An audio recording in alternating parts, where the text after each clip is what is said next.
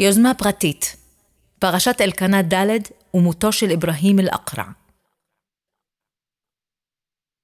לפני ימים מספר נהרג אדם ונפצעו שלושה אחרים בתקרית אלימה בין כוחות צה"ל לבין ערבים שניסו להגן על אדמותיהם החקלאיות מפני פלישה של חברה יהודית שפעלה בחסות החלטה של ועדת השרים להתיישבות. אין לי ספק שוועדת השרים לא התכוונה לאשר שבכוח הנשק של צה"ל תעלה חברה מסחרית יהודית על אדמות שבבעלות פרטית ערבית ואשר לא נמכרו, ותוציא אותן מידי הבעלים על ידי כך שחיילי צה"ל יירו למוות בבעלים העומדים בתוך חלקתם ומנסים למנוע את הדחפורים מלהיכנס אליה, והכל בחסות החלטת ועדת השרים להקים שם יישוב. ב-15 במאי 83 העבירה עורכת הדין פליה אלבק, אז הממונה על המחלקה האזרחית בפרקליטות המדינה, מכתב לשר המשפטים באותה עת, משה ניסים. המכתב סווג כסודי וגולל מסכת אירועים שהתרחשה כשבועיים קודם לכן, ב-2 במאי. אירועים אשר הובילו להתייצבותם של פלסטינים בני הכפר בידיה אל מול דחפורים. הדחפורים נשלחו על ידי חברת גל יוזמה ופיתוח בשומרון בערבון מוגבל, כדי להכשיר לבנייה חלק מאדמות הכפר שעליהן טענה החברה לבעלות. כשהתעקשו תושבי הכפר למנוע את עליית הדחפורים על אדמותיהם, הוזעק למקום כוח חמוש של משמר הגבול שהצטרף למתנחלים. אנשי הכפר סירבו להתפנות והשוטרים עברו לשפת הכוח, דחיפות, מכות וירי. תושב בידיה, אברהים אל-אקרע, בן ה-75, נהרג מכדור רובה בחזהו. תושב נוסף נפצע קשה, אחר נפצע קל, ואחד משוטרי מג"ב נפצע קשה אף הוא מאבן שנזרקה ופגעה בראשו. בפרק זה נספר על פרשת אלקנה ד', פרשה שהחלה בשנות ה-80 המוקדמות, ושהמשיכה למעשה להעסיק את בתי המשפט עד לאחרונה. נראה כיצד המהלך של הפרטת פרויקט ההתנחלויות בתחילת שנות ה-80 התלכד עם פרשיות שחיתות וזיוף מסמכים, וכל אלה הובילו, בין השאר, למותו של אדם בן 75 בבוקר שבו גילה שדחפורים עולים על אדמתו. התקרית הקטלנית הייתה קו פרשת מים, בכל הנוגע לתמיכת המדינה ביוזמות הפרטיות להקמת יישובים בשטחים. היא הובילה את אלבק, ובמידת מה בעקבותיה גם את יתר מערכת המשפט והאכיפה, להתנער מהשיטה, והקמת ההתנחלויות חזרה לחסותה הבלעדית של מדינת ישראל.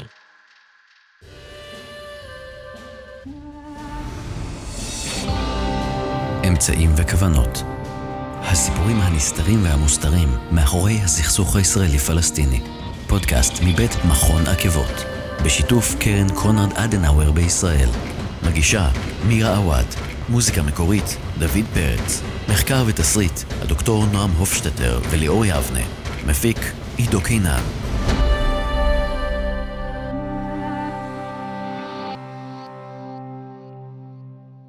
עד שנת 1977 הוקמו ההתנחלויות הישראליות בגדה המערבית באמצעות משרדי הממשלה השונים ולאור תוכנית אלון, שיזם השר יגאל אלון עוד ביולי 67.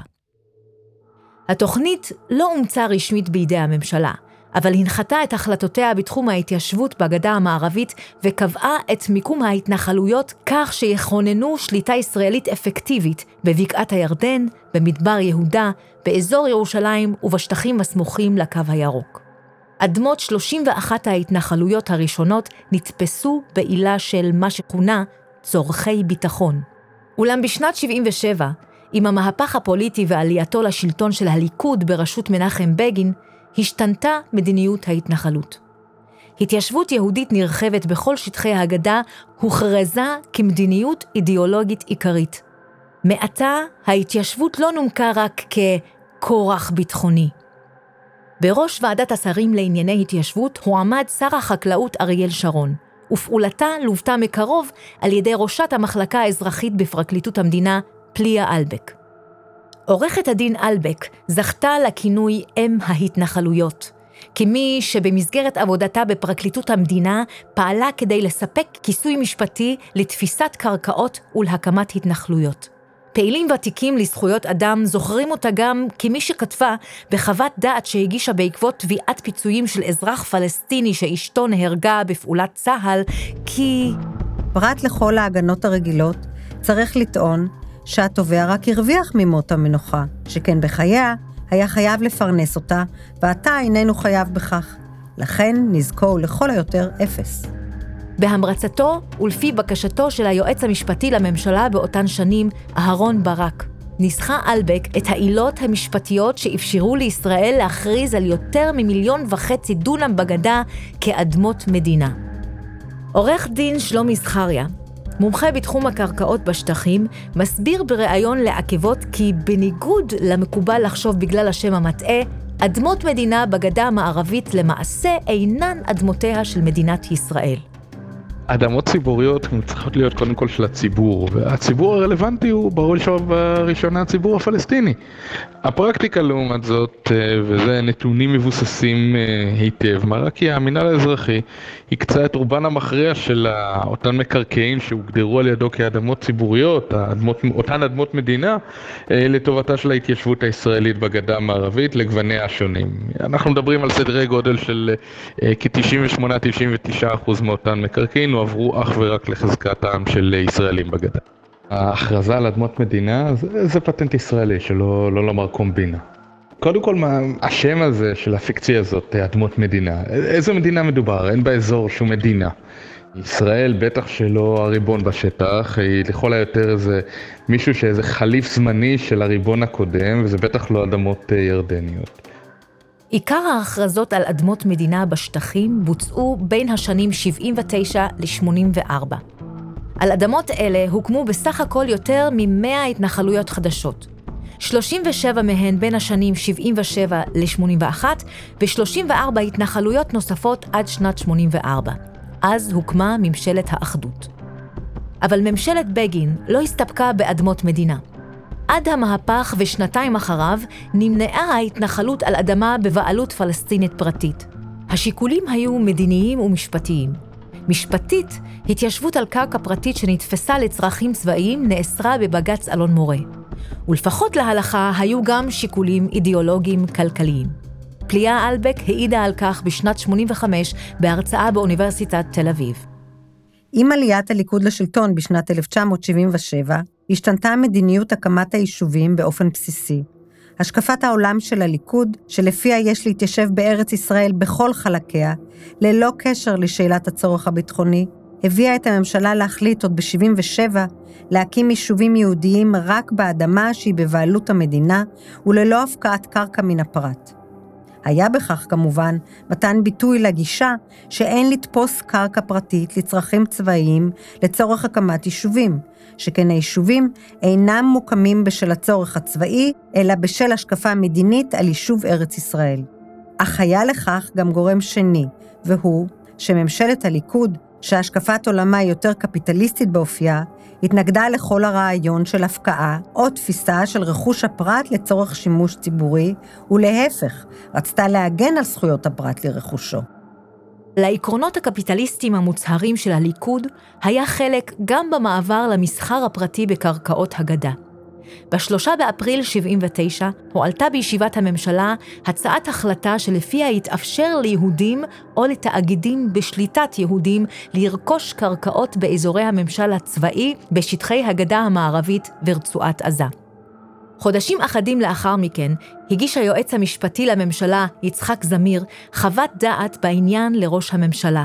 זמיר סקר מספר אפשרויות משפטיות וגם ציין חסרונות אפשריים באימוץ ההחלטה, בהם הפעלת לחצים על מוכרים פוטנציאליים והעלאת מחיר הקרקעות עבור חברת הימנותא, שבבעלות הקרן הקיימת לישראל, אשר הייתה עד אז בעלת האישור הבלעדי לסחר כזה. בנוסף, ציין זמיר, הניסיון מחייב להזהיר מפני האפשרות של רמאויות והונאות בהיקף רחב בתחום העסקאות במקרקעין ביהודה ושומרון. כך הדבר בעיקר משום שמרבית המקרקעין ביהודה ושומרון אינם מוסדרים, ויש קושי גדול בזיהוי המקרקעין ובזיהוי הבעלים. גוף המתמחה בתחום זה, כמו מינהל מקרקעי ישראל או חברה הפועלת מטעמו, יכול לרכוש לעצמו מומחיות וידע שיש בצידם ביטחון מסוים בפני הונאות. רכישות על ידי אנשים וגופים פרטיים הנעדרים מומחיות וידע כזה, עלולות להתגלות כחסרות כל תוקף וכמקור לסכסוכים עם גורמים מקומיים. ב-16 בספטמבר 79 החליטה הממשלה לאפשר רכישה פרטית של מקרקעין בשטחים הכבושים ולהסמיך ועדת שרים שתקבע הנחיות בדבר מתן רישיונות לרכישות כאלה. הקפיצה הגדולה בענף הגיעה עם כינונה של ממשלת בגין השנייה, הממשלה ה-19, לקראת סוף שנת 81. לתאוצה הפתאומית היה אחראי חבר הכנסת וסגן שר החקלאות דאז מיכאל דקל. כפי שמעידות עשרות כתבות בכלי התקשורת מאותה תקופה, סגן השר דקל התמסר לעידוד המסחר הפרטי באדמות הפלסטיניות. הייתה זו שיטה להרחבת האחיזה היהודית בשטחי הגדה המערבית אל מעבר לאדמות המדינה המוכרזות ובלא צורך בתקציב ממשלתי, בסמכויות או באישורים מיוחדים. בישיבה של הוועדה להתיישבות שאישרה בין השאר את התוכנית להקמת אלקנה ד', הסביר דקל. אנו רגילים במדינת ישראל שמבצעי ההתיישבות הגדולים תמיד נעשו על ידי מוסדות. ההסתדרות הציונית והסוכנות היהודית וממשלת ישראל. תמיד זה היה ביצוע ממלכתי. היום, כשאנו מדברים על הרחבת ההתיישבות ביהודה ושומרון, מסיבות שונות, בעיקר פוליטיות, לא תמיד נמצא מקור תקציבי לעשות את העבודה. אנחנו חייבים לנסות ולמצוא דרכים אחרות איך ליישב את יהודה ושומרון. אני מדבר על אספקט חדש. הוא אמנם אינו כל כך חדש בשטח, אבל בחודשיים או שלושת החודשים האחרונים הוא קיבל מימד מיוחד במינו. כיום יש תנועה גדולה מאוד, או התעניינות גדולה מאוד, בבנייה הפרטית. יש יזמים וקבלנים פרטיים שמוכנים ללכת ולהקים יישובים בשומרון, על בסיס של קניית אדמה מערבים. אנו בודקים האם האדמה הזו אכן עומדת לרשות המוכר ואפשר להעביר אותה לרשות הקונה. ליוזמה זו, האדמות שנקנו והאתרים שעומדים להקימם משתרעים מהצפון, מסביבת טול כרם, עד לדרום בסביבות גני מודיעין. סגן השר דקל סקר שורה של אתרים בהם תוכננה הקמתם של יישובים, ואז ביקש מהוועדה לאשר עקרונית הקמה של שלושה יישובי יוזמה פרטית, בהם גם אלקנה ד'. דקל טען כי יזמיו של אלקנה ד' רכשו כבר שטחי קרקע בהיקף של 1,200 דונמים. זה יישוב פרטי של יזמים פרטיים. הוא מתוכנן לסדר גודל של 1,000 עד 1,200 יחידות. כדי שיוכלו מוסרית למכור מגרשים, הגם שחלק כבר נמכר, ולהגיד שזה אושר, אנו מבקשים אישור ליישוב הזה. עורכת הדין אלבק, שנכחה בדיון, לא פצתה את פיה. הוועדה להתיישבות אישרה, בהחלטה שסומנה במספר 26, את ההצעה לאשר את הקמת ההתנחלויות אלקנה ד', אלקנה ג' ונילי ב'.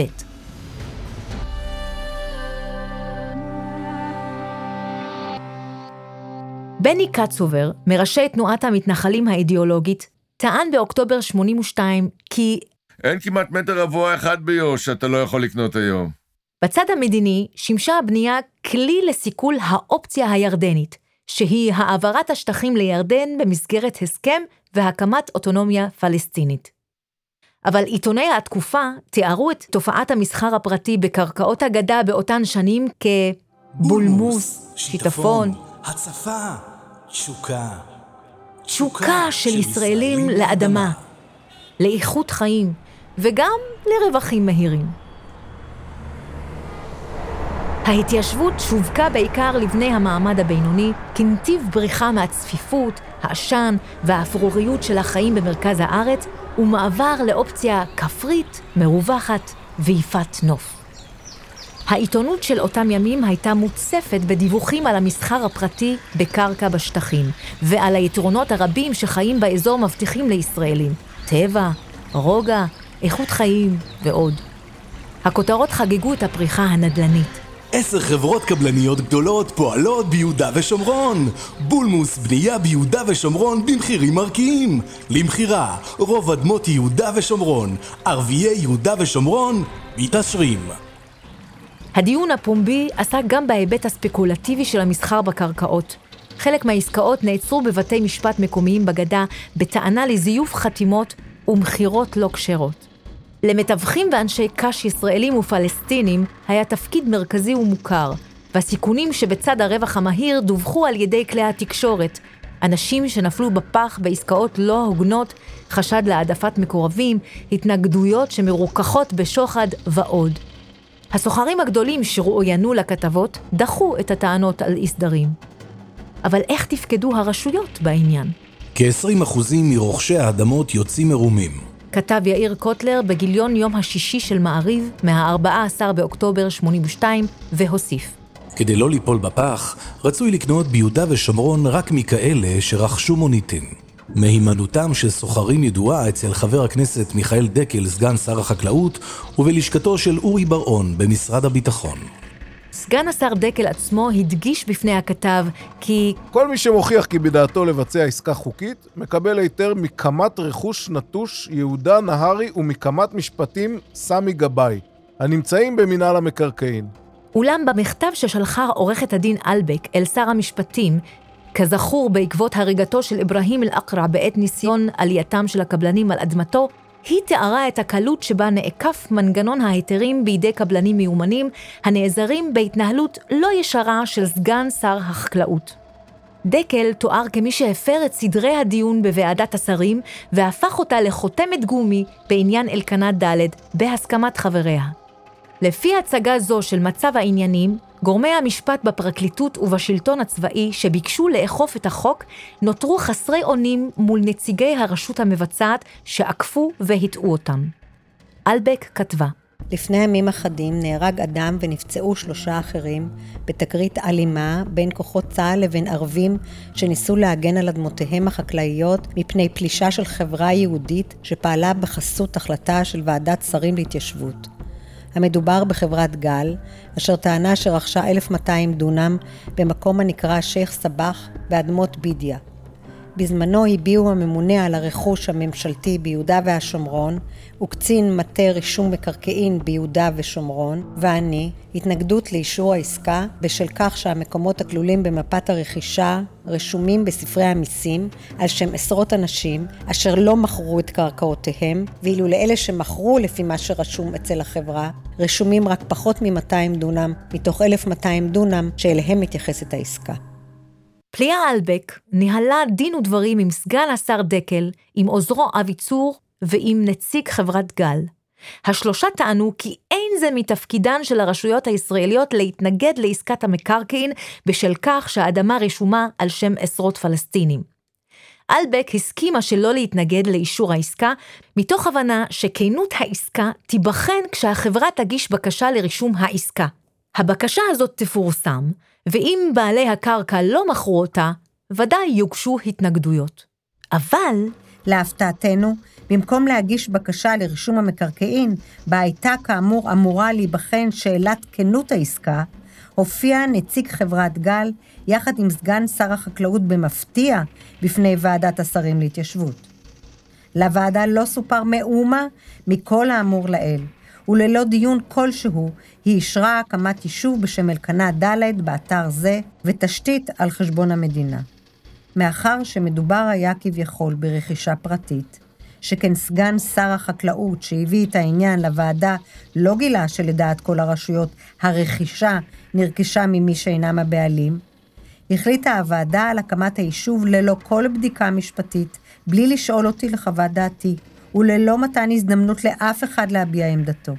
כל הדיון ארך שניות ספורות, ומבלי שהיה על סדר היום מראש. אלבק הוסיפה כי גם החברה הפרטית וגם סגן השר דקל ידעו מראש שמרבית בעלי השטח לא מכרו את אדמותיהם. הם טענו כי כל עוד בעלי הקרקע אינם מביעים התנגדות, אין זה מעניינן של הרשויות הישראליות להתנגד לאישור העסקה.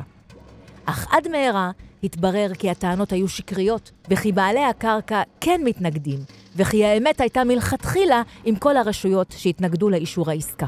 לדברי אלבק, אין לי ספק שוועדת השרים לא התכוונה לאשר שבכוח הנשק של צה"ל תעלה חברה מסחרית יהודית על אדמות שבבעלות פרטית ערבית, ואשר לא נמכרו, ותוציא אותן מידי הבעלים, על ידי כך שחיילי צה"ל יירו למוות בבעלים העומדים בתוך חלקתם ומנסים למנוע את הדחפורים מלהיכנס אליה, והכל בחסות החלטת ועדת השרים להקים שם יישוב. ואולם, גם אם ועדת השרים לא התכוונה לכך, זאת הייתה התוצאה. מקרי רצח בין פלסטינים על רקע סחר בקרקעות היו מוכרים בגדה, ואף באזור בו נהרג אל-אקרא, אך ההשלכות החמורות של המסחר הפרטי והפרוץ שקעו בתודעתם של בעלי הסמכות המשפטית רק לאחר האלימות וההרג באדמתו של אברהים אל-אקרא בבידיה. נדמה כי התקרית שבה נורה אל-אקרא חשפה בפני אלבק התנהלות בעייתית מצד גורמים פוליטיים ומסחריים, ובה בעת זימנה לה אפשרות להסדיר את פעילותה הקלוקלת של מערכת קבלת ההחלטות ולכנס מחדש את מפעל ההתנחלויות תחת פיקוחה הצמוד. עם זאת, קשה להתנער מהרושם כי מדובר פחות במאבק בין כוחות מנוגדים ויותר במשחק תפקידים בין זרועות השלטון השונות ובין שיטות ההתנחלות השונות. מאבק שבסך הכל חרג קצת מתחום הנסבל. שיטות הפעולה של סוחרי הקרקעות, כמו גם מעורבותם של גורמים פוליטיים, הוחתמו בחשדות כבדים הרבה קודם לתקרית הדמים בבידיה. האם דווקא אשת המקצוע המיומנת והבקיאה ביותר בענייני ההתנחלויות, פליאה אלבק, שראתה בהכשרת ההתנחלויות ייעוד מקצועי ואידיאולוגי, דווקא היא, לא הכירה את הכשלים המובנים בשיטה? עשרות אלפי דונמים בגדה, אם לא יותר, הועברו ונמכרו לישראלים בשיטות רמייה שונות. ההונאות הקיפו אלפי לקוחות בשווי עסקאות נומינלי של מיליוני דולרים. ב-85 דיווח העיתון מעריב כי חקירות המשטרה העלו שיטות של זיוף וחתימה תחת איום בנשק. בנוסף, התגלו מקרי סחיטה על ידי יוצאי כוחות הביטחון הישראלים. אלו יצרו מצג שווא של חקירה ביטחונית של בעל הקרקע. בסופה נדרש בעל הקרקע לחתום על מסמך בעברית שהתברר רק בדיעבד כשטר העברת בעלות. ולמרות כל זה, התוכנית להקמת אלקנת ד' לא נזנחה עדיין. ב-1990 התקבלה החלטת קבינט שהחליפה את החלטת ועדת ההתיישבות משנת 83. לפי ההחלטה החדשה, אלקנת ד' תוקם על אדמת מדינה וקרקע פרטית שיוקצו להקמת היישוב בכפוף לחוות דעתה של מנהלת המחלקה האזרחית בפרקליטות המדינה. עוד נאמר בהחלטה כי שמו של היישוב שונה לגבריאל.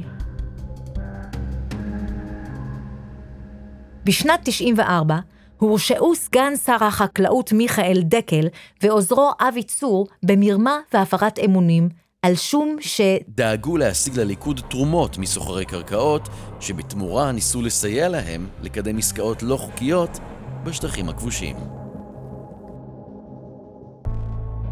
מהצד הפלסטיני, מכתבה של אלבק אל שר המשפטים מנציח את סיפור ההתנגדות הכואב של תושבי בידיה לגזל אדמותיהם על ידי ישראל, וכן את קורבנם שזעזע, ואולי היה צריך לזעזע יותר, את מערכת החוק הישראלית ואת הציבור הישראלי. בדיעבד, המכתב וההתנגדות סייעו לבלום את הסחר הפרטי הפרוע בקרקעות הגדה. סיפור התנגדותו של אברהים אל-אקרא מנחה את מאבקם של תושבי הכפר על אדמותיהם עד היום. ביוני 2014 פורסם באתר שיחה מקומית מאמרו של עייד מורר, אז מנהיג המאבק העממי בכפר בודרוס ומייסד הוועדות העממיות נגד הגדר. חשבנו שדמו של אותו איכר יקר היה מחיר גבוה, שיספיק לשמירה על אדמתו לדורות. עד שבאו שוב הדחפורים באותו החודש, בדיוק 31 שנים לאחר מכן.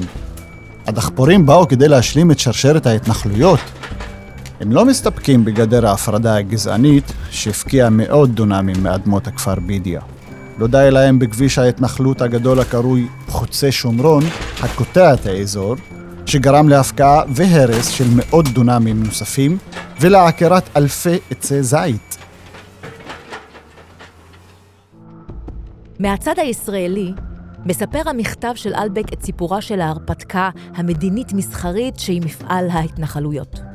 קריצות עין, טענות כוזבות, זיופים וגזל, כל אלה הם מאפיינים שמלווים את המפעל הזה לאורך כל שנותיו. כבר בשנים הראשונות, מארג שלם של רשויות שלטוניות יצר מציאות כאוטית בשטח, ופרשת אלקנה ד' מדגימה זאת היטב. מאז, ולאורך כל השנים, מערכת בירוקרטית של מתן אישורים וקבלת החלטות משמשת חותמת גומי לגחמות של קבלנים ושל אישים פוליטיים, ומאפשרת מיסוד ונרמול של גזל קרקעות שיטתי בשטחים, במראית עין של חוקיות ושל סדר.